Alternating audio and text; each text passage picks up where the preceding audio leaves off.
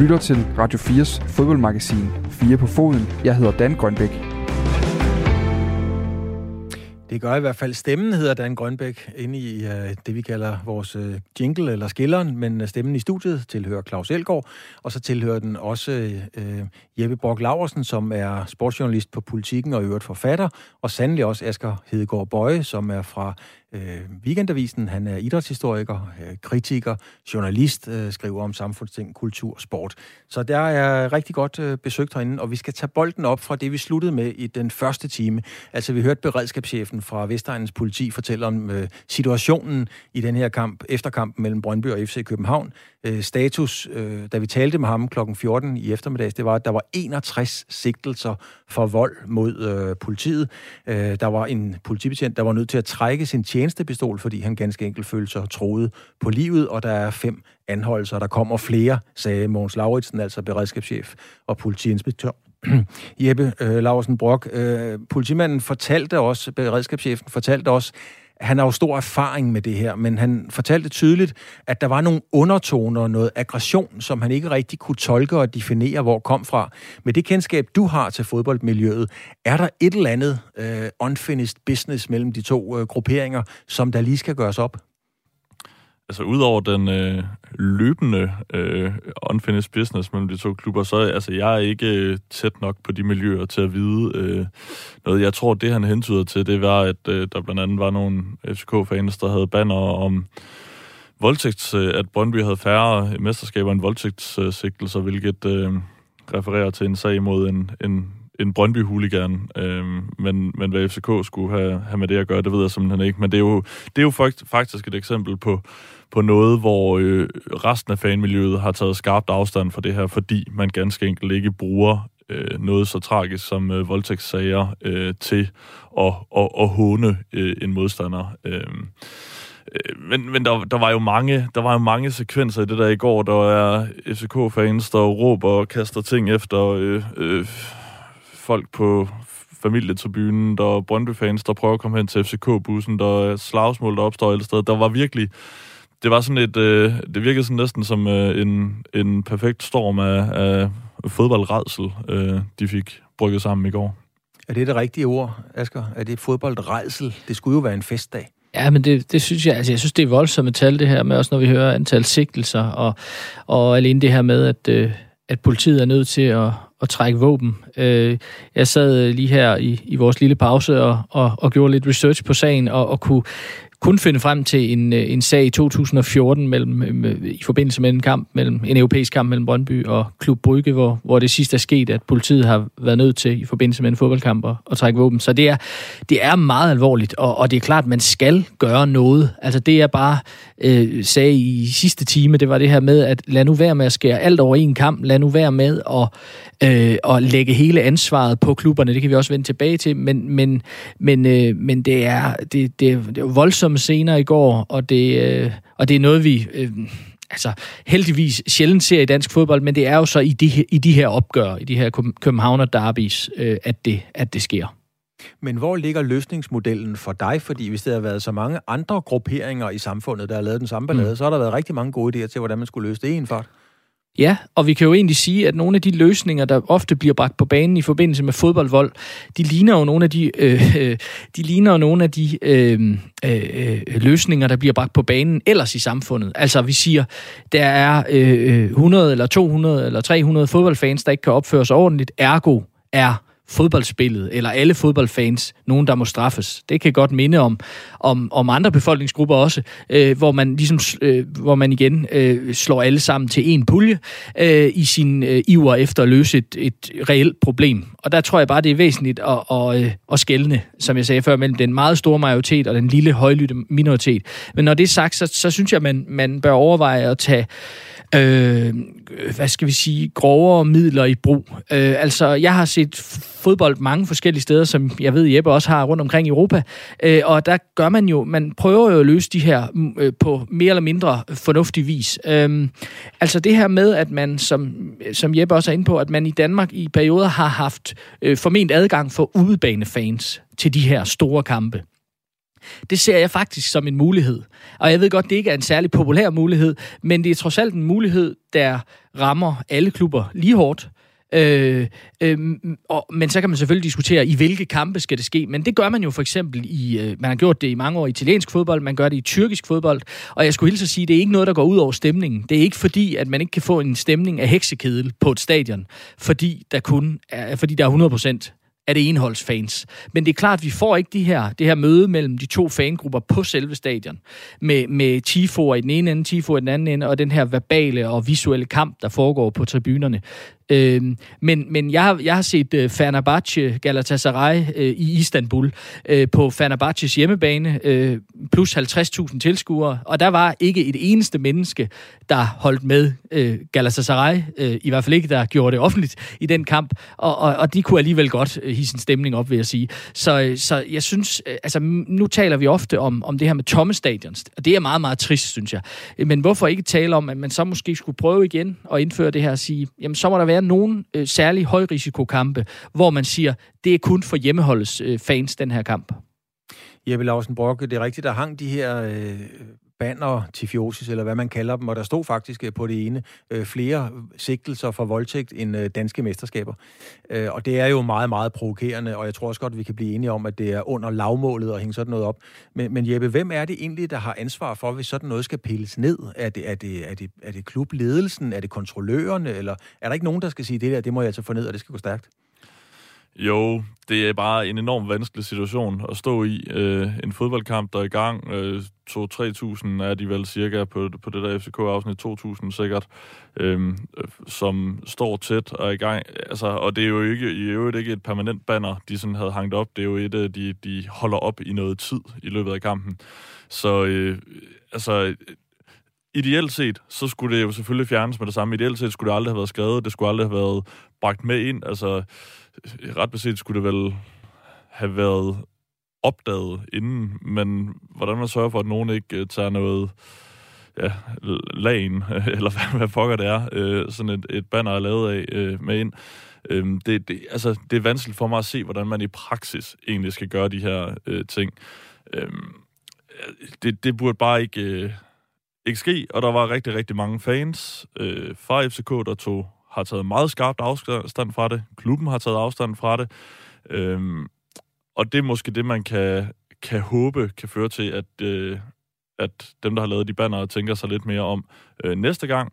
Øh, det, jeg så bare godt kan frygte, det er, at det måske i virkeligheden opstår spændinger internt i fangrupperinger. Det der har også været rapporter om, at det også skete i går, at, øh, at der simpelthen ja, var øh, tæt på interne slagsmål øh, blandt øh, nogle FCK-fans, og, og ja, det, det er bare en meget, meget, meget kompleks størrelse, det her. Og det er også, jeg er meget enig med Asger i, at vi må ikke slå alle over øh, øh, en kamp, men øh, man skal tænke sig rigtig godt om, hvad, hvad man gør, øh, ja, for at komme tættere på en løsning. Men, men hvad siger du, Jeppe, til det her? Du følger dansk fodbold tættere end mig. Øh, det, det her med at, at, at, øh, som du også er inde på, man har gjort tidligere, altså sige, der er nogle kampe, indtil vi får styr på det her, altså er der nogle kampe, der foregår uden, øh, uden øh, udbane tilskuere. Altså vil det løse noget, eller tror du måske så bare, at det vil kunne flytte problemet ud til en parkeringsplads i nærheden, eller hvordan ser du ja, på det? Ja, men fordelen ved at, jamen det, ret beset er vi jo ikke helt kloge nok til det. Vi skal jo have fat i nogle af... Vi har jo faktisk et par dygtige, eller i hvert fald en, en dygtig fanforsker på Syddansk Universitet,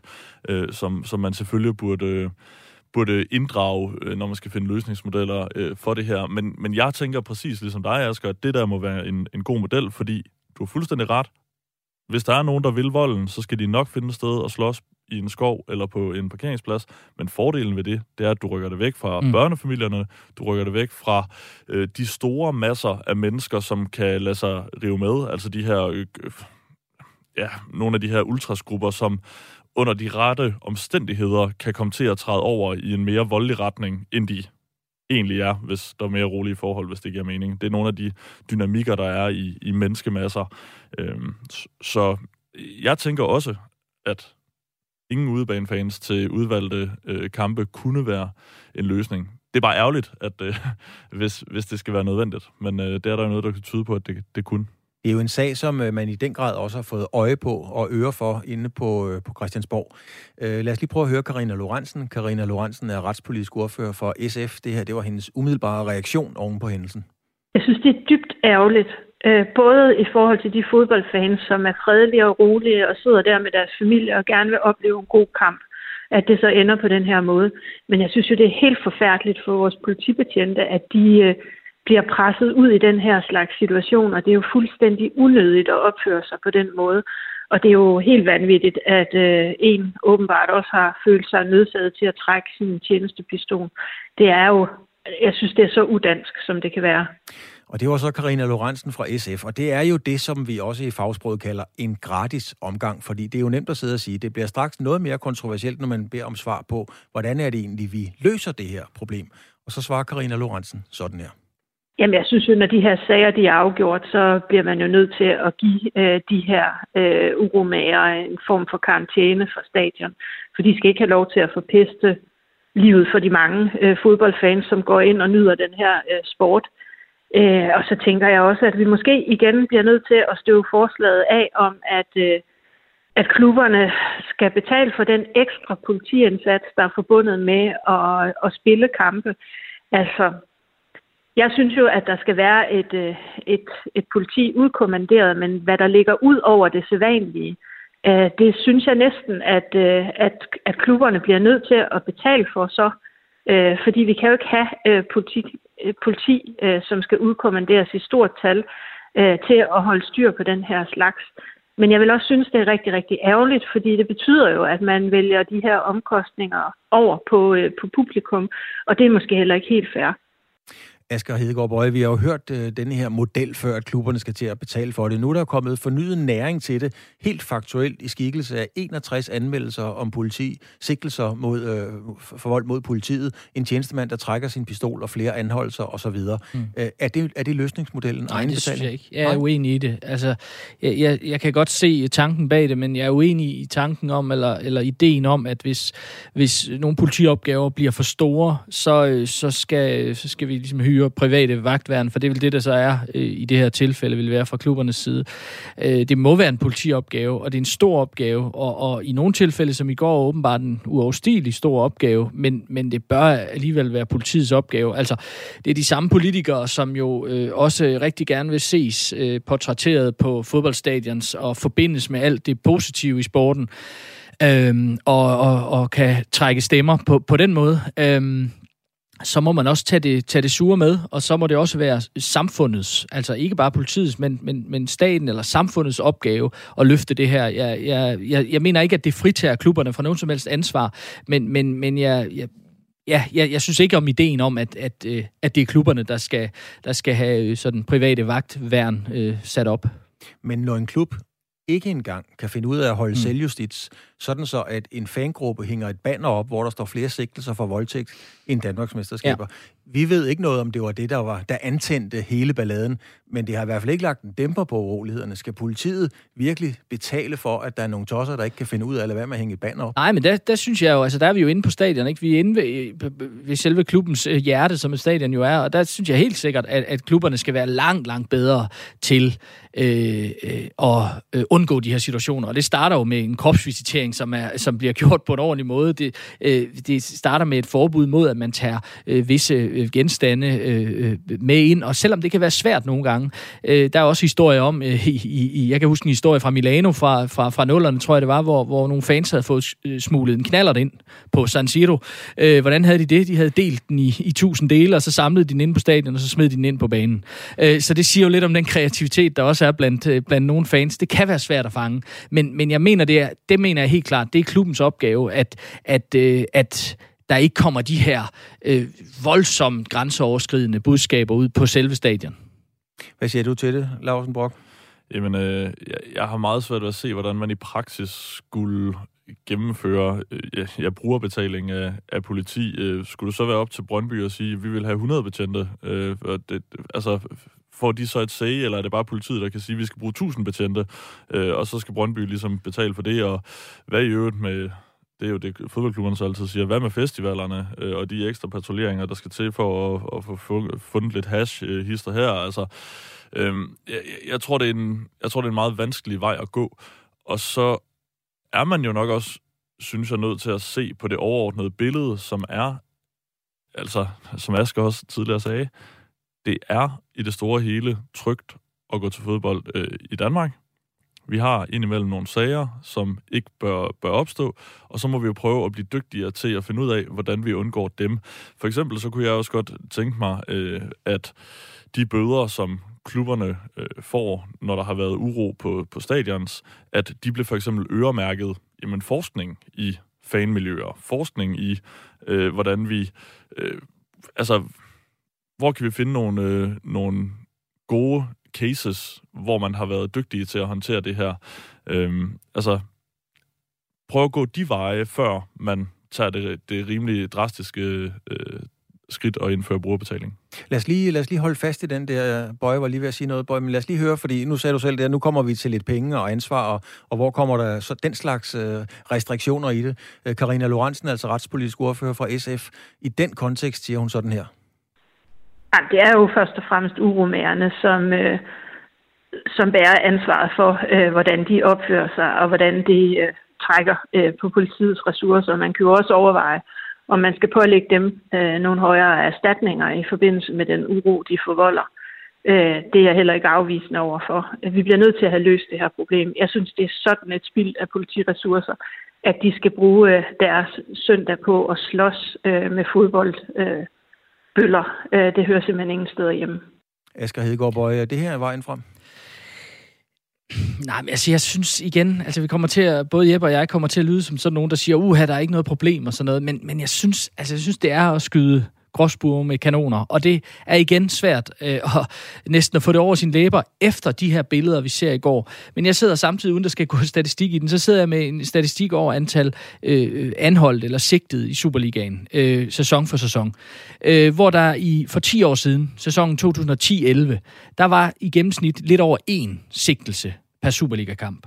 Og så kan vi så gætte på, hvad, er, hvad var sigtelserne i sidste sæson? 0,1 procent. Ikke? Altså, så det, det har været faldende, eller 0,1, øh, øh, hvad hedder det, øh, sigtelse per Superliga-kamp. Det har været faldende, faldende, styrtdykkende nærmest i løbet af de sidste 10-15 år. Og så kommer der de her øh, enkelstående øh, episoder, som vi selvfølgelig skal fokusere på, men, men det er også lidt lette politiske point at score på den her front, det mener jeg. Altså, jeg, jeg er jo enig med, med Asger. Øh, ja, corona spiller selvfølgelig ind på det tal, men selv hvis du, man tager sæsonen før, så mm. er der et, et kontinuerligt øh, godt og sundt øh, billede i forhold til anholdelser og sigtelser ved, ved fodboldkampe. Øhm, og, og det er også derfor, at jeg, ligesom Asger, ender med at vende tilbage til det her, jamen måske er den letteste og mest udramatiske løsning i virkeligheden også øh, at, at diskutere igen det her med at øh, lade udebaneholdets fans blive hjemme. Jeg tror, man øh, forstår nu, hvorfor at det er en gotisk knude, som ikke er helt mm. så let at løse, men det er stensikkert en historie, vi kommer til at følge med i, og det er desværre også en historie, der kommer til at gentage sig. Det er næsten, øh, de er næsten for gode til at boykotte, eller hvad? Danskernes støtte til et boykot af VM i Katar til næste år smuldrer, nemlig stille og roligt. Før den første kvalifikationskamp, det var tilbage i marts måned mod Israel, svarede faktisk 44 procent af de adspurgte i en stor undersøgelse fra Voxmeter øh, og en fra Megafon. De svarede ja til, at Danmark burde boykotte VM, altså holde sig væk fra VM, øh, hvis man nu skulle gå hen og kvalificere sig. Siden så var der jo så en historisk stærk kvalifikation, og nu er billedet til synlædende ved at smuldre. I en ny meningsmåling, som analysefirmaet Mos Bjerge har, har blandt den, øh, øh, som har lavet, øh, der fortæller nu, at øh, det kun er 29 procent, der svarer ja til det samme spørgsmål. Altså 44 procent, inden vi havde kvalificeret os. Nu kom vi med med et ordentligt brag, og så er det kun 29 procent, som siger ja til samme spørgsmål. Som skribent var Nikolaj Arve skriver i øh, Weekendavisen, og det var en hel del lettere at være principiel tilhænger af boykot, før vi for alvor fik færden af et stort dansk VM-resultat. Øhm, det skriver han jo derinde i, i Weekendavisen, Asger Bøje. Du har tidligere meldt ud, at du går ind for en boykot. Øh, er den her nye meningsmåling forventelig for dig? Er den chokerende for dig? Er den sørgelig for dig? Hvordan tænker du den? Ej, den er jo nok lidt forventelig, må vi sige. Altså, øh, øh det er jo en, en ting var at tage, øh, tage hvad hedder det... Øh, Øh, stilling til det her spørgsmål tilbage i foråret, hvor vi stadigvæk ikke helt vidste, hvor vi var i forhold til øh, eventuel kvalifikation. Og så står man nu her med en fantastisk, øh, ja, historisk øh, kvalifikation med Luther sejre og ingen mål indkasseret, og, og Danmark kan måske sige sig være, om ikke blandt favoritterne til den her kommende VM, så i hvert fald en, en outsider og et, et, et meget stærkt landshold. Øhm, så, så forventeligt på den måde, at så svinger pendulet lidt den anden vej. Der er stadigvæk, øh, hæfter jeg mig ved, øh, ret mange danskere, der mener, at det her er en, øh, er en dårlig idé. Øh, men jeg tror, vi vil se de her tal og de her målinger øh, bølge frem og tilbage i løbet af det næste års tid. Der er jo stadigvæk, skal vi huske, 13 måneder til knap 13 måneder til, til det her VM, øh, formentlig løber af stablen, og det, øh, og, og, og det, men altså, det, så det er hverken chokerende eller meget andet, men det er forventeligt, øh, vil, vil jeg sige, fordi at det kunne da være rart, hvis man bare principielt tog stilling til den her sag og sagde, hvad mener jeg om, at et VM skal spilles på de og de øh, præmisser, men fodbolden er jo både, nu talte vi tidligere, også med, med, med øh, hvad hedder han, Jonas, om, om det her med, en, øh, med den reflekterede fodboldfan. Men fodboldfans er jo også følelser. Og det er jo også at have siddet i parken, eller have siddet hjemme foran skærmen og set de her kampe, og været vildt begejstret. Så det er nok, lige, det er nok de her to øh, roller som fans, der, øh, der clasher lidt her. Jeppe Larsen Brock, altså det, den faktuelle virkelighed er, at før vi kvalificerede os, var det 44 procent, der sagde, at vi skal ikke til Katar. Øh, nu er det kun øh, 29 procent. Altså, øh, er, er det en nation af vendekåber? Ja, undskyld, kære landsmænd, men, men nogle tal kunne tyde på det. Er du heller ikke overrasket over det her? Nej, det er jeg egentlig ikke specielt overrasket over. Nu kan jeg ikke huske præcis, hvornår den første meningsmåling var, men hvis det var kort tid efter øh, Guardian-artiklen om, hvor mange mm. migrantarbejdere, der var døde, så var det på det tidspunkt en, en altså det var meget præsent i folks hukommelse, Øh, Øh, hvad det egentlig var, øh, der var, eller er sket øh, nede i Katar omkring øh, tilblivelsen af de her øh, VM-stadioner. Så sådan noget tror jeg også spiller ind. Og så tror jeg også, at, at, at Katar for mange danskere er meget fjernt væk. Altså jeg tror, at øh, menneskerettigheder i øh, mellemøstlige lande øh, kan være en lidt abstrakt størrelse for mange danskere, øh, som gør, at, at de måske har en tanke om det, men ikke har sådan nogen fuldstændig rodfæstet øh, og klar holdning, som de er klar til at, at, at reagere på. Altså det, der, var, der har jo også været et borgerforslag om at få Folketinget til at øh, behandle et muligt boykot af VM i Katar, og, øh, og som jeg husker det, så var der 10.000 underskrifter eller noget i, i den stil, og det kræver 50.000 for at, at få det taget op i Folketinget. Øhm, så der var heller ikke så mange, der gik ind og, og gjorde det aktivt. Altså, jeg, jeg, jeg tror, at det for mange danskere stadig er lidt fjernt. Og øh, da vi var oppe på de 44 procent, var det måske lidt mere nært, fordi at vi lige havde fået debatteret rigtig, rigtig, rigtig mange døde øh, migrantarbejdere. Men Asger, der er jo ikke kommet nogen dokumenter og rapporter, som jeg har set i hvert fald, som ligesom, skal vi sige, sår tvivl om, om Katar nu også bryder menneskerettighederne i det omfang, som det har været, som det har været udstillet. Så det kan vel ikke være på en mere oplyst baggrund, at så mange skifter mening? Nej, det, det tror jeg heller ikke. Altså, der, det er klart, der kommer meldinger om, om både de, de forbedringer, som, som sker i, på menneskerettighedssituationen øh, i Katar, men, men jo også stadigvæk øh, de her forfærdelige historier, der kommer ud om, om, om øh, tvangsarbejde og, og, og øh, ja, slavelignende forhold. Så det, det tror jeg heller ikke. Øh, og det er jo rigtigt, som Jeppe siger, det kan være lidt abstrakt at diskutere, og det er langt væk. Øhm, øh, og det tror jeg, det tror jeg også spiller ind. Øh, men jeg tror nu, at jo tættere vi kommer på slutrunden, så vil den her debat igen i Danmark og ikke alle steder i verden, for det må vi jo heller ikke glemme. Det er en debat, der fylder meget i Danmark og Norge og til dels Tyskland, England, Holland, og det er også sådan cirka det. Øh, øh, så mange andre steder i verden fylder den ikke så meget, men jeg tror på vores øh, breddegrader, der vil den igen øh, op, jo tættere vi kommer på, fordi vi har jo selvfølgelig ikke set den sidste kritiske rapport fra øh, Amnesty eller det sidste stykke undersøgende journalistik i den her sag. Så selvfølgelig vil det komme op igen. Men, øh, men det bliver lidt interessant at følge, hvis nu skal have de konstruktive briller på. Øh, lidt interessant at følge, hvad det, hvad det ligesom er for dansk fodboldpublikum. Øh, hvad, der, hvad der vægter højst. Fordi det er jo lige før, man kan gøre det op på den måde. Øh, det ved jeg selvfølgelig godt, man ikke kan. Fordi øh, man kan faktisk godt mene to ting på en gang. Man kan jo godt mene, at det er forfærdeligt, det der sker i Katar, og at det er fantastisk, det der sker på det danske landshold samtidig og hvordan balancerer man så lige det? Men det bliver en debat, som kommer til at køre i samfundet næste års tid, men også i den enkelte fodboldfan, er jeg sikker på. Jeppe Lausenborg, altså en debat, der kommer til at køre, det er jo hævet over enhver tvivl. Der vil komme rigtig, rigtig meget fokus på det her. Hvad tror du, Øh, vil støtten, altså skal vi til Katar, vil støtten til det falde eller stige? Det er virkelig et godt spørgsmål, og, øh, og det er jo svært at spå i sig om fremtiden, men jeg tror egentlig ikke... Øh, altså det jeg egentlig, hvis jeg må svare på noget lidt andet, så det jeg er, er virkelig, virkelig spændt på at se, det er faktisk, hvordan fansene øh, ender med at reagere, når vi så kommer til at stå i Katar, fordi jeg tror, altså boykot bliver ikke, øh, altså Danmark kommer ikke til at boykotte øh, det her sportsligt. Det kan være, man gør det fra øh, mere politisk side, det har de jo ikke taget stilling til endnu. Øhm, men jeg er faktisk meget nysgerrig på at finde ud af, hvad gør fansene? Altså, hvor mange danskere tager egentlig til Katar for at, at støtte det landshold? For der er jeg ret overbevist om, at vi ville have set mange flere fans øh, komme afsted, hvis det var ja, i Japan, eller øh, selvom det er endnu længere væk. Øh, så, så jeg er ret sikker på, at mange fans vil drage konsekvensen af deres moralske kompas øh, og, og selv blive væk øh, fra slutrunden. Asger, du har været meget øh, aktiv, du har skrevet meget og blandet dig meget og blevet spurgt meget ind til hele debatten om hele den her meget komplekse problematik. Når nu vi nærmer os, og folk sidder og skal trykke køb på billetten og skal mm. afsted, hvad, hvad skriver du så? Hvad er det for nogle historier, du vil skrive på det tidspunkt? Siger du, kom afsted, kom ned og nyde det, bliv hjemme, lad være? Hvad, hvad, hvor går du hen? Jamen, det kommer... Altså, man kan jo sige, jeg har jo sådan lidt øh, gjort begge dele i den her sag, ikke? Altså, øh, øh, ligesom Jeppe også har dækket det journalistisk, øh, men jeg har også haft en, en, en, en klar holdning til det.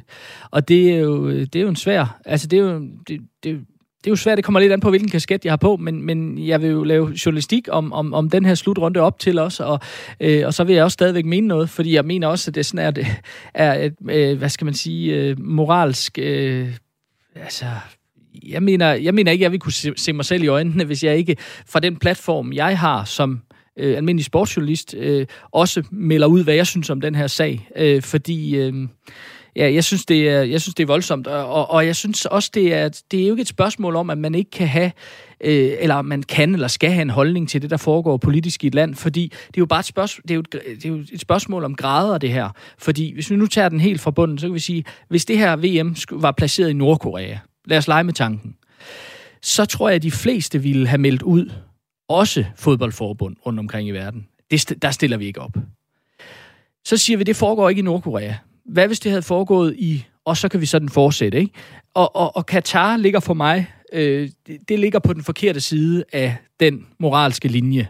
Øh, og, og det kan jo være anderledes for andre folk. Der kan være nogen, der siger, er fair nok, det, den tager vi med. Øh, men Nordkorea, det er for langt. Eller der kan også være nogen, der siger, Rusland er for langt. Ja, ja, ja, ja der afbryder jeg lige, ja. fordi du siger, det ligger på den forkerte side af den ja. moralske linje. Der vil være fodboldfans, der siger, vi vil sørge med gerne til et VM, vi skal bare ikke til Katar. Der kan komme fodboldspillere, der siger, nej, hvor vil jeg gerne til VM, jeg skal bare ikke til Katar. Der kunne jo også være journalister, der sagde, det der, det vil jeg ikke røre ved, det vil jeg simpelthen ikke dække. Er det dig? Det kunne det godt være. Det var da svar på tiltalen. Mm. Hvad med dig, Jeppe? Jeg øh, ser ikke for mig, at vi ikke kommer til at dække øh, VM i Katar. Altså, og det er, jo, det er jo noget, vi jævnligt bliver mødt med, det spørgsmål om, hvis politikken har jo også på lederplads øh, argumenteret for, øh, for boykot af, af VM i Katar. Øhm, og så er der jo er det oplagte spørgsmål, jeg spørger sådan, hvorfor bliver jeg så ikke selv væk? Jamen det er jo fordi, at vores, vores opgave er at beskrive virkeligheden. Øhm, og og virkeligheden ved det her VM er både den kritiske side og den sportslige side, og øh, vi har beskrevet begge dele, og vi kommer til at blive ved med at beskrive øh, begge dele. Men vil du håbe, Jeppe Larsen Brock, at øh, vil du ønske, at din chef kom og sagde, øh, sådan så du bliver fri for at tage valget, altså vi bliver væk? Altså, hvis der skal træffes sådan en beslutning, så, så skal det i hvert fald ikke være mig. Det har jeg ikke øh, stjerner nok på, på skuldrene til. Øhm, men, øh, men det vil jo ske efter en øh, grundig og faglig debat. Men, jeg, men jeg, jeg kan slet ikke forestille mig, at vi bliver væk. Vi, vi har jo... Altså, det er jo ikke første gang, at vi står i en situation og står over for en, en begivenhed, som kan være forkastelig af forskellige årsager, øh, men det er det vores forbandede pligt at, at prøve at dække den, og så være så dygtig som muligt til at prøve at dække den øh, på begge måder, fordi ulempen ved at og stadig for eksempel dække det sportslige. Altså, man kan jo risikere at komme til at gå værtslandets ærne, nemlig at, at få fremstillet de store sportslige øhm, dramaer, som en VM-slutrunde altid byder på, øhm, og at det på en eller anden måde kommer til at virke som historien om det i VM, så vi lidt glemmer øh, den kritiske side også. Den balance er altid meget svær. Men så prøv lige at, at, at sætte lytterne og jeg ind i, hvordan ville man typisk redaktionelt gribe det an? Altså, kunne du få en opgave, hvor det hedder, du forholder dig stringent til fodboldkampen, 4-4-2, nogen bliver skiftet ud, og nogen brændte strafspark, og så er der nogle helt andre, der skriver om et banner, eller hvad der i øvrigt sker? Ja, altså, jeg vil jeg vil typisk øh, kunne skrive om, om begge dele, øh, og har bestemt også gjort det, for eksempel øh, i forbindelse med EM, øh, skrev jeg også kritiske historier om, om turen til Azerbaijan, hvor vi spillede øh, kvartfinale. Øh, så så øh, altså, som enkelt journalist kan jeg godt dække begge dele, og vi prøver at være dygtige til at huske, at begge sider øh, af sagen er, er en del af den virkelighed, som et, et VM er. Men øh, jeg anerkender også, at det er en vild svær balance, og der er klart en risiko for, at de kritiske historier drukner i historierne om sportslig fascination. Asger, øhm, professionelt. I to topprofessionelle øh, journalister, de dygtigste af slagsen. Men er det rimeligt at forlange og forvente af en kollega eller dig selv, at man rent faktisk kan skille det ad? Fordi vi er jo også mennesker, og nogen mm. synes, det er det bedste sted i verden at holde fodbold, og nogen synes, man skal lade være. Så men kan, man, kan, man, kan man forlange nogen til skille det ad? Nej, det er jo det, man ikke kan. Og det er jo og det er det, der, det er derfor, at, at, at, at vi ikke skal lægge øh, store turneringer og mesterskaber og slutrunder i totalitære diktaturer. Øh, øh, fordi når åbningskampen indledes, når de første spark sparkes, når de første kampe går i gang, så glemmer vi, altså nu taler jeg ikke som journalist, men nu taler jeg som fodboldinteresseret, og som fan, og som en, der har set det første, sit første, sin første VM-slutrunde som, som syvårig, og siden har synes det var det mest fascinerende overhovedet i hele verden. Øh, og have en af dem, der er allermest triste over det her. Altså, øh, øh, og det, øh, så, så, så det kan vi ikke. Der, der bliver vi som fans og fodboldinteresserede suget ind i det kæmpe spektakel, som et, en VM-slutrunde er. Øh, og jeg kan sagtens følge Jeppe i det, han siger også i forhold til det her med at dække et stykke af virkeligheden. Øh, vi, vi, vi, som journalister dækker vi jo alle mulige ting, som vi kan være enige eller uenige i, men som foregår ude i verden. Øh, et af de udfordringer, der trods alt er, og det er også det, Jeppe er inde på her indirekte, det er jo, at, at her er der tale om et stykke iscenesat virkelighed også. Her er der tale om et stykke øh, noget, der foregår, ja, men det foregår på, med en, et værtskab. Altså, det kan ikke sammenlignes med, ja, vi dækker også borgerkrigen i Syrien, som jeg har hørt nogle andre journalister øh, give som eksempel. Fordi det her er, øh, det her er en iscenesat, øh, et iscenesat stykke virkelighed af en VM-vært, som er FIFA, og som er Katar, og som i øvrigt er værter på vores, øh, alle vores vegne. Og det vil sige, når man går ind og dækker det, det vil jeg stadig godt mene, man kan, Øh, og det skal jeg ikke gøre mig til dommer over, hvem der gør og ikke gør, men så er det, som Jeppe siger, sindssygt svært, fordi man, man, man, øh, man aldrig, når man sidder på et fodboldstadion i Katar, kan sige sig fri for at være en del af den iscenesatte virkelighed. Altså, man kan ikke være den der outsider. Man sidder der. Man sidder på det, og man er indlogeret på de hoteller, som er ejet af staten, osv. osv. Jeppe, man siger jo i, i, i det øvrige retssystem, at når, når man prøver en sag for første gang, så kan den komme til, som det hedder, at danne præcedens. Og det valg, der bliver taget i og omkring Katar, kommer vel på et eller andet niveau også til at danne præcedens for, hvor man øh, har mod, eller hvor man har lyst til at lægge øh, store slutrunder og store sportsbegivenheder en anden gang. Er det så ikke dig og din avis ansvar at være med til at tage klar stilling og ikke som du siger, man må skille det ad, og man kan godt det ene, og man kan godt det andet, og enten sige ja, selvfølgelig skal vi til Katar, eller nej, det skal vi i hvert fald ikke. Nej, det, det altså, nu er vi ved at være ude der, hvor, øh, hvor vi skal snakke med mine, med mine redaktører, men, men jeg som, øh, som enkelt journalist øh, mener sådan set godt, at, at vi kan dække det her, og der også kan være noget vigtigt i at dække slutrunden. Men øh, jeg, jeg tror, at der på alle danske sportsredaktioner, eller det håber jeg, kommer til at være en meget, meget grundig overvejelse af, hvordan vi dækker det. Hvordan vi kan være med til at sørge for, at alle de kritiske historier ikke glider totalt i baggrunden. Om det så er en øh, daglig spalte med en migrantarbejder, der kommer til ord og fortæller sin egen historie fra, fra tiden i Katar, eller om det er øh, en gennemgang af, Øh, sportens øh, fodboldens skyggesider gennem årene, eller hvad man nu kan gøre. Altså, der er jo forskellige måder, man kan skabe en journalistisk øh, øh, balance på en eller anden måde i, i det, man dækker det. Men det bliver, det bliver virkelig svært. Jeg er bare ikke sikker på, at øh, løsningen er øh, som medie at, at blive væk. Nej, det er heller ikke. Jeg er også meget i tvivl om det her, og, det, øh, og derfor synes jeg, det, det er helt vildt interessant. Og heldigvis har vi jo gode folk som dig, Jeppe, som, som også, som du siger, som tager dig ned, og, og familien tager dig ned og dækker det. Og, øh, men, men, øh, men jeg synes godt nok, det er... Altså, jeg, jeg, jeg ved godt, hvad du mener, men, men øh, når jeg tænker tilbage på tidligere øh, store sportsbegivenheder, øh, det jeg mest kommer til at tænke på er Beijing 2008, ikke? hvor... hvor øh, hvor jeg også kan huske den her debat, der var op til. Og jeg kan huske den sådan Øh, den politiske debat og øh, den, den øh, presseetiske debat osv.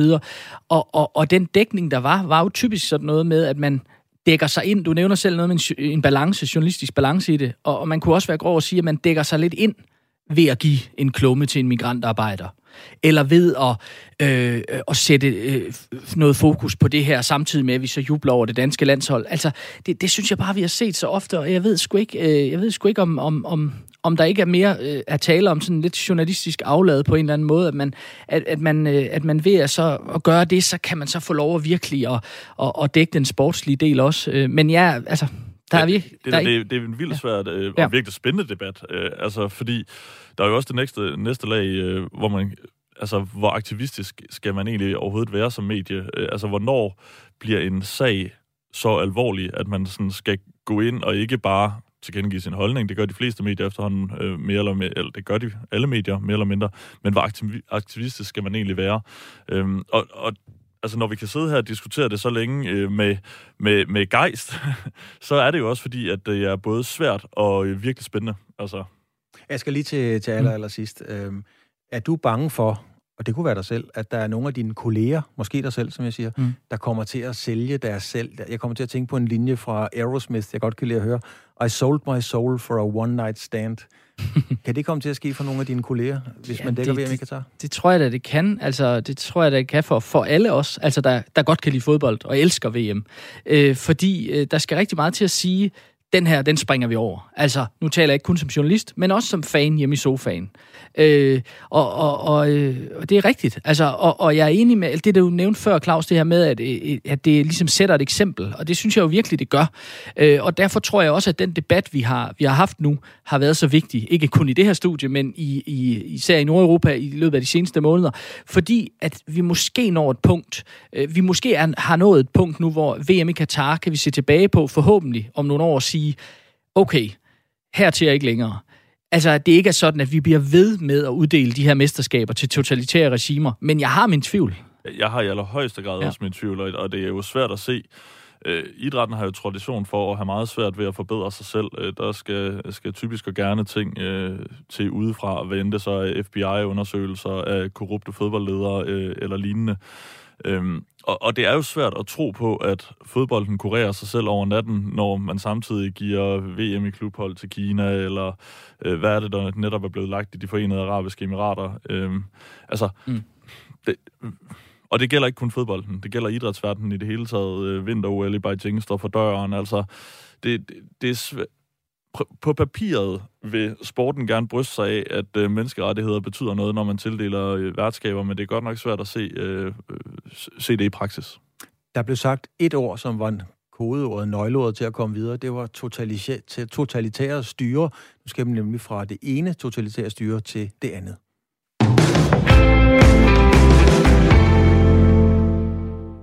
Det ser nemlig ud til, at FIFA har udskudt planerne om VM hvert andet år, i hvert fald en lille smule. I denne her uge har der været møder mellem FIFA og de europæiske fodboldtopledere. Efter at have mødt hård kritik for planerne om at holde VM hver andet år i stedet for at være fjerde, som det er i dag, har FIFA nu udskudt en ellers planlagt afstemning blandt de 211 medlemslande om de nye planer, som skulle have været afholdt i december. Det fortæller det internationale sportsmedie SI. Især det europæiske fodboldforbund UEFA og det sydamerikanske CONMEBOL har modsat sig planerne, fordi det vil overbelaste spillerne, og derudover presse deres egne turneringer, EM og Copa America. Særligt de nordiske, nordiske fodboldforbund har reageret stejlt mod planerne om VM hvert andet år, og DBU's formand, han hedder Jesper Møller, sagde efter et møde øh, med hans nordiske kolleger i fredags således. Vi oplever desværre, at FIFA ikke lytter særlig meget til de hensyn og indsigelser, vi påpeger fra DBU og andre UEFA-lande. Det er dybt problematisk, hvis så afgørende beslutning bliver trumlet igennem uden mulighed for at drøfte konsekvenserne. I aller værste fald og i sidste instans kan man ikke udelukke, at det kan føre til, at forbund vil melde sig ud af FIFA i protest og manglende lyst til det nye setup. Det lyder voldsomt, at jeg skal melde sig ud af FIFA. Er det et scenarie, du kan se for dig? Jamen, det lyder helt vidunderligt. Jesper Møller, der opfordrer til en boykot. Det, øh, det er sjældent, vi hører det. Øh, men øh, i den her sag, der er han, der er han på banen for fuld, fuld kraft. Øh, men, øh, men ja, ja jeg, synes, jeg, jeg ser den her, det her det her store globale slag, som foregår i øjeblikket mellem på den ene side FIFA, øh, verdensforbundet, og så på den anden side UEFA, det europæiske fodboldforbund, som en, et, et voldsomt slag, øh, og som måske egentlig er blevet dækket alt for lidt. Jeg ved godt, det er blevet dækket en del, men det er måske det, et af de væsentligste slag, der foregår uden for fodboldbanen i de her år, fordi det er et mulig, en mulig splittelse, eller det kan føre til en mulig splittelse af den kan man sige, paraply, som FIFA har været øh, omkring verdensfodbolden siden øh, det stiftelse i 1904. Øh, fordi øh, at den man kan sige, den øh, sport, altså fodbolden, som jo er en europæisk opfindelse, og hvor Europa har været det naturlige centrum, ikke mindst i sin egen selvforståelse, igennem årtier, ja et århundrede, nu er udfordret af FIFA, men også af en lang række fattigere, øh, øh, øh, fattigere forbund fra Afrika og Asien, som gerne vil øh, have noget mere indflydelse. Øh, og det, det nemmeste, jeg kunne gøre nu, det var at sige, det er forfærdeligt. VM hver andet år, det, det er frygteligt. Øh, vi er jo vant til det hver fjerde år. Alle andre sportsgrene, de afholder deres VM-slutrunder hvert år eller hver andet år, men fodbold, det er noget særligt, og der skal vi vente fire år. Det udvander produktet og gør det hver andet år. Alle de her ting. Det kan jeg sagtens sidde og sige.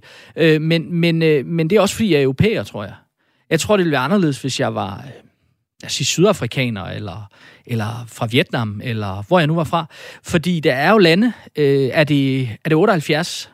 Jeg tror, der er 78 FIFA-lande, øh, der har været til en herreslutrunde igennem tiderne. Og der er altså over 200 lande. Det vil sige langt over halvdelen. De har aldrig nogensinde været til et VM. Så det her med, at et VM kan foregå oftere, et VM kan være med ikke 36 eller ikke 32 hold, men 48 hold, måske endda 64 hold, øh, øh, det er noget, der tiltaler andre lande øh, end de europæiske. Øh, og her i Europa, der sidder vi så, som vi i øvrigt gør, øh, i, ikke kun i sportens verden, men i det hele taget, og klamrer os til det sidste, vi er tilbage, og vi ser os selv stadig som, som verdens centrum. Øh, så det er bare lige for at få den nuance med, at det kunne være, at der var et blik udefra, som så anderledes på det her. Når det er sagt, så gør FIFA det selvfølgelig også for at tjene en masse penge, det kan de rigtig godt lide, men, men måske også for at lytte til øh, den ikke-europæiske del af verden, som trods alt er øh, langt størstedelen. Vi, vi kigger på det helt store billede ude fra rummet øh, lige om lidt, men Jeppe Lausen Brock, nu, nu zoomer vi virkelig ind på, på et nærbillede. Dig for eksempel. Hvad siger din journalistiske indsigt, din faglighed osv.? Tror du på et VM hver andet år?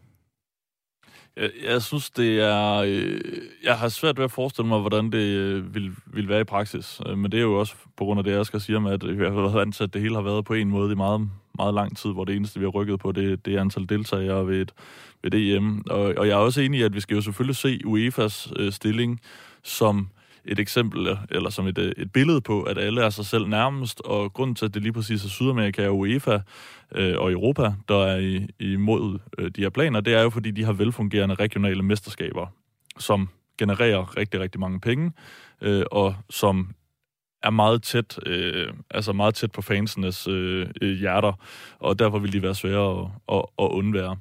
Øhm, men altså, det, det virker jo til, at det her forarbejde er blevet lavet rigtig, rigtig grundigt. Altså, FIFA virker jo til at have sikret sig støtten, altså øh, den demokratiske, altså flertalsstøtten på forhånd.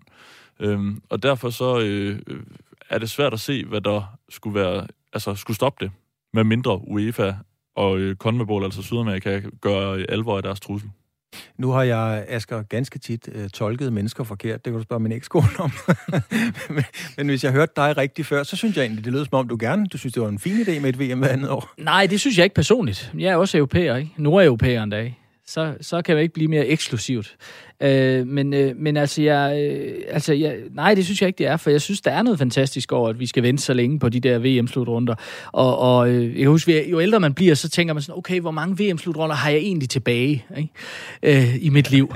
øh, og det, og det, det er jo ikke så sjovt, hvis de er hvert år, vel? Altså, vi, vi, vi fodboldfolk, vi griner jo lidt af håndboldfolken, ikke? De spiller øh, slutrunder hele tiden, ikke? Det kan vi jo ikke blive ved med at gøre, hvis vi også begynder på det. Øh, men altså, praktisk set er det jo rigtigt, som Jeppe siger, så kan det blive svært. Øh, men, men man kunne jo sige, VM EM hver andet år, og så de kontinentale mesterskaber, EM, Copa America, i de, altså øh, forskudt, ikke? så har vi en slutrunde hvert år. Øh, og, og, øh, men, men, men så bliver der jo drevet rovdrift på spillerne, det er jo rigtigt. Altså det, øh, og, det, og det virker som om, at det er dem, man, man tænker mindst på egentlig i, i det her. Øh, der er stadig nogen, der skal ligesom levere kerneproduktet, ikke? og det er, jo, det er jo spillerne, der så skal spille hver eneste sommer. Øh, men, men altså, men jeg synes, det, det er en vild tanke i hvert fald, det her med, hvis FIFA nu har de trådt lidt tilbage fra deres øh, sådan øh, standpunkt, eller de har sådan bakket lidt på det, øh, men, men, men hvis de gennemfører det, og man forestiller sig et brud, altså mellem øh, UEFA og CONMEBOL på den ene side, og så FIFA og de andre kontinentale forbund på den anden side, øh, fordi så, øh, ja, så, så, så ligger VM jo i ruiner på en eller anden måde, så må ikke også, der er sådan en, et, øh, et, et det er jo et magtspil, der er i gang, og, og, og hvis, hvis FIFA kan få nogle indrømmelser fra UEFA, det kunne for eksempel være, at man øh, øh, skruer lidt ned for, for charmen i, i forbindelse med de her klubturneringer, som, som fylder mere og mere i, i Europa, og at man øh, måske tildeler, øh, tildeler pladserne til et VM på en lidt anden måde. Der er vi jo også, altså det seneste VM her med deltagelse af 32 hold, der kommer de 15 fra Europa. Altså det er, det er næsten halvdelen, der kommer fra et kontinent, der, der, der, der, øh, der, der jo øh, udgør en lille del af verdens befolkning. Så, så de der knapper kan der blive skruet på, tror jeg. Og jeg tror, vi skal måske se det her store, larmende spil, som er i gang i de her år, som et magtspil, som ikke nødvendigvis ender med VM hver andet år, eller øh, et eller andet dramatisk, men som, øh, som er med til at udligne nogle af de forskelle, der er i international fodbold. Fordi vi sidder jo også stadigvæk på flæsket på mange måder i Europa. Også selvom pengene kommer andre steder fra. Altså europæisk fodbold er jo i øjeblikket i de her år, altså toppen af europæisk fodbold, er holdt oppe af, øh, af, af penge fra Nordamerika, Rusland, Kina, øh, øh, Mellemøsten. Øh, og, og alligevel er det her, det foregår. Vi ser stadig os selv, som jeg var inde på, som centrum i fodboldverdenen. Og, og det, det, den selvforståelse skal vi måske til at, at revurdere lidt. Men det der med, om det bliver udvandet, og man mm. kan huske det osv., lige et, et, et ganske konkret spørgsmål. Asger, hvem blev egentlig verdensmester i håndbold i 93? I 93? Ja, fordi du kan godt huske, hvem der blev verdensmester i fodbold i 82, det er jeg stensikker på. Ja, det kan jeg godt. Ja. Det gjorde Italien. I 93, det, uh, det, det er et godt spørgsmål. Du ved det. Ja, det gør jeg så. Ja. Men øh, det gør jeg så. Det gjorde, det gjorde øh, Rusland. Øh, de slog Frankrig. Øh, ja, okay, på herresiden. Så kan det være, at Norge har vundet på damesiden, måske? Øh, 93, der får vi en bronzemedalje. Ja. Jeg mener, det er det år, vi ved Kærsgaard er øh, anfører. Jeg er jo fra Hår, jeg er jo Horsens. Jo, jo, Jeg jo, mener, jo. det var starten, men øh, der er jeg ude på gyngende grund Ja. der. Øh, Jeppe, kunne du huske det? Var du klar over, hvem der vandt VM i håndbold i 93 for her? Øh, nej. Men vandt kvinderne måske i 94? Det gjorde de jo alt det der, men, men fodbolden kan vi jo bare. Er, er, det ikke et, øh, et, et godt eksempel på, at fodbolden, at det, det er bare vigtigere? Altså, der er noget mere mystik over det, der er noget mere historik, der er alt det, som Asger skriver bøger om. Jo, altså nu er jeg jo selv øh, opvokset i en, i en håndboldhal, øh, eller i hvert fald meget tæt på en i, i Jylland. Øhm, så, så det er ikke fordi, at håndbolden ikke står mit hjerte nær, og, og der er der noget helt særligt over de der slutrunder, som har et, et fantastisk øh, hul i kalenderen, kan man sige, i de, i de mørke måneder. Øh, men det er jo rigtigt, at det, at det er der hele tiden, det er jo den fornemmelse, man har, at der er altid håndboldslutrunder. Fordi så er der jo også et OL hver fjerde år, ud over de, de europæiske og verdens øh, globale mesterskaber. Øhm, og det er jo rigtigt, at jo mere det er der, jo mindre sjældent, eller jo mindre specielt er det jo. Øh, det er jo Altså, det er jo også... Øh, altså, hvis du har en flødebolle eller 10 flødeboller, så, øh, så, så, så er det lidt mere særligt kun at have en. Altså, ja, jo, det, det er ganske enkelt mere særligt, og det er jo også det, de danske spillere, når man spørger, med, spørger dem, øh, som, jeg, som jeg har gjort sidst, vi var oppe i landsholdslejren, hvad de fremhæver, når de skal se det her scenarie. Selvfølgelig nævner de det her med rovdriften på spillerne, og er der plads til flere kampe i kalenderen, og alt det her. Men faktisk så nævner de danske spillere også øh, deres egne minder fra VM-slutrunder. Altså det her med, at det var noget særligt, og som spillere har de også det her med, at, at det må gerne være svært at komme til VM. Men, men et af argumenterne er, at folk er ved at have fået nok. Jeg hørte øh, Carsten Værge, som jo så nu er blevet sportsfodboldredaktør på, på TV2, øh, sige, at folk kan ikke kapere mere. Altså, der kan ikke være mere øh, fodbold på harddisken. Vi har det, vi, vi, vi, vi kan tåle. Kan du se, eller kan I se på, på jeres avis, om, om, om kan folk tåle flere klik, når der er en fodboldhistorie, eller har det nået et mætningspunkt? Nej, det, det altså... Jeg, jeg tror, at øh, man er nødt til at... Jeg tror faktisk, man skal skelne lidt mellem klubfodbold og landsholdsfodbold der, øh, hvor, øh, hvor klubfodbolden, tror jeg måske, kan være tættere på et mætningspunkt, i hvert fald hvis vi snakker i dansk regi, end, øh, en landsholdsfodbolden, som jo øh, har oplevet et, øh, på, på for mændenes vedkommende et fornyet gennembrud med det, det EM, der var. Altså interessen for det øh, og også efterfølgende har været øh, fuldstændig vildt. Og det er altså, tror jeg, fordi landsholdsfodbolden tiltaler øh, landet og nationen bredere, end øh, klubfodbolden går, øh, gør. Og jeg tror, når man snakker mætningsgrad, så handler det lige så meget om det her med, at du kan se en europæisk topkamp for klubber hver eneste dag, stort set. Så er der pokalturnering, så er der Champions League, så er der Conference League, Europa League, så er der ligaerne. Og vi har jo adgang til det hele via streamingtjenester og tv-pakker osv. Så, videre. øhm, så, så der kan jeg måske godt se en mæthedsgrad, og det er måske også lige præcis derfor, altså, at landsholdsfodbolden viser sin berettigelse.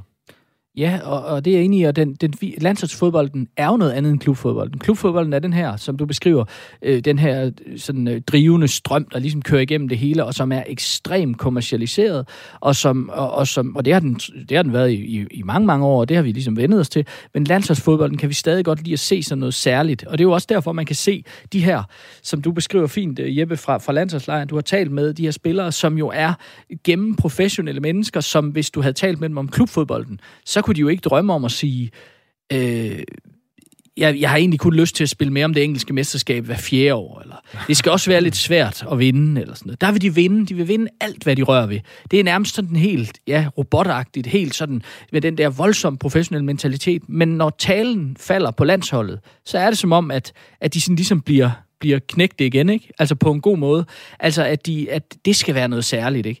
Øh, og derfor var noget af det, der, der sådan irriterede mig mest i hele den her kampagne, der har været kørt for FIFA øh, igennem øh, lang tid, hvor man har fået de her tidligere øh, spillerikoner fra hele verden til at, at sige, hvorfor det er så fantastisk en idé, at VM skal holdes hver andet år.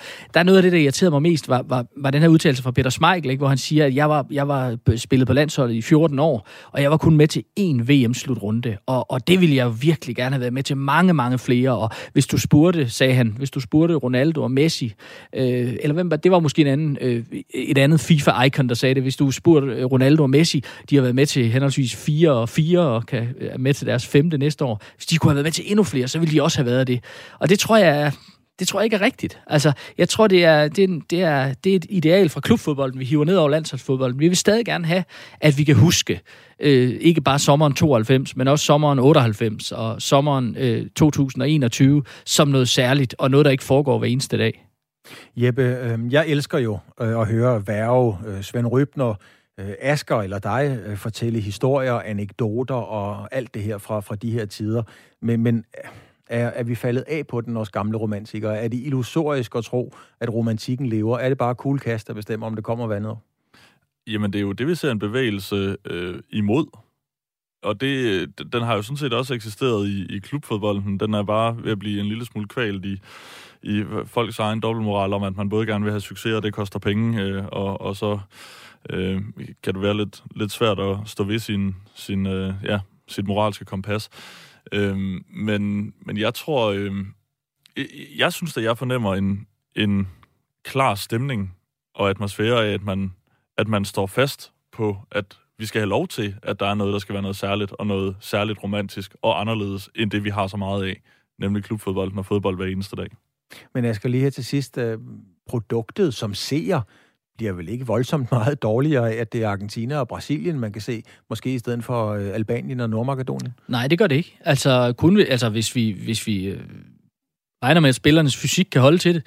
Øh, men, men, øh, men det er da rigtigt. Altså, øh, øh, på den måde, det kan man sige, men, men, men det ironiske i det her er jo lidt fra et europæisk perspektiv, at, at hvis vi sådan ser som produktet, eller, som, eller fod, det fodboldfaglige, fodboldmæssige, så er det EM jo ofte, øh, så, så er EM jo ofte øh, øh, mere interessant end VM. Måske ikke som historiefortælling, men, men, men på selve fodboldbanen. Fordi vi virkelig får, får nogle, nogle, nogle store EM-slutrunder, og har haft det i de senere år, hvor VM, der kan være lidt længere mellem snapsene nogle gange. Men, øh, men, men det er da rigtigt. Altså, øh, altså hver andet år kunne man måske også altså klare, ikke? altså selv os gamle romantikere, men, men, men altså, hvad bliver så det næste? Det er også det, man kan tænke. Ikke? Man tænker det som en glidebane. Ikke? Skal det så være hver sommer? Øh, og, og på den måde, så, så er det nok vigtigt at sætte foden ned indimellem, og det så vi jo også i, et, i en anden sammenhæng, men fansene gør i forbindelse med den her Super League, øh, øh, øh hvad hedder det, drama, der var, hvor, hvor fansene, de, øh, de, de sagde fra, og hvor man faktisk fik en lille indrømmelse fra, fra den store kapital. Den store kapital, det er et godt ord at slutte på, Asger. Den store kapital, det lyder som en bog, vi skal skrive sammen en eller anden dag. det er ved at være slut med Fire på Foden. Jeg hedder Claus Elgaard. Jeg har været øh, vikar for Dan Grønbæk. Med i studiet har været Asger Hedegaard Bøje fra Weekendavisen og Jeppe Lausen Brok fra Politikken. Og så skal jeg også lige sige, at i næste uge, der holder Fire på Foden øh, fri. I denne her uge er det Dan, der holder fri, men så er Dan Grønbæk tilbage bag mikrofonen. Det har været en øh, fornøjelse at have jer i studiet. Det har været dejligt at få lov til at være med. Vi har talt om øh, ballade dansk fodbold, især uden for banen. Kommer der et VM hver andet år, har vi også været øh, en tur indenover. Og hvad med Katar? Og det er diskussioner, der altså slet ikke er slut, men det bliver en anden dag.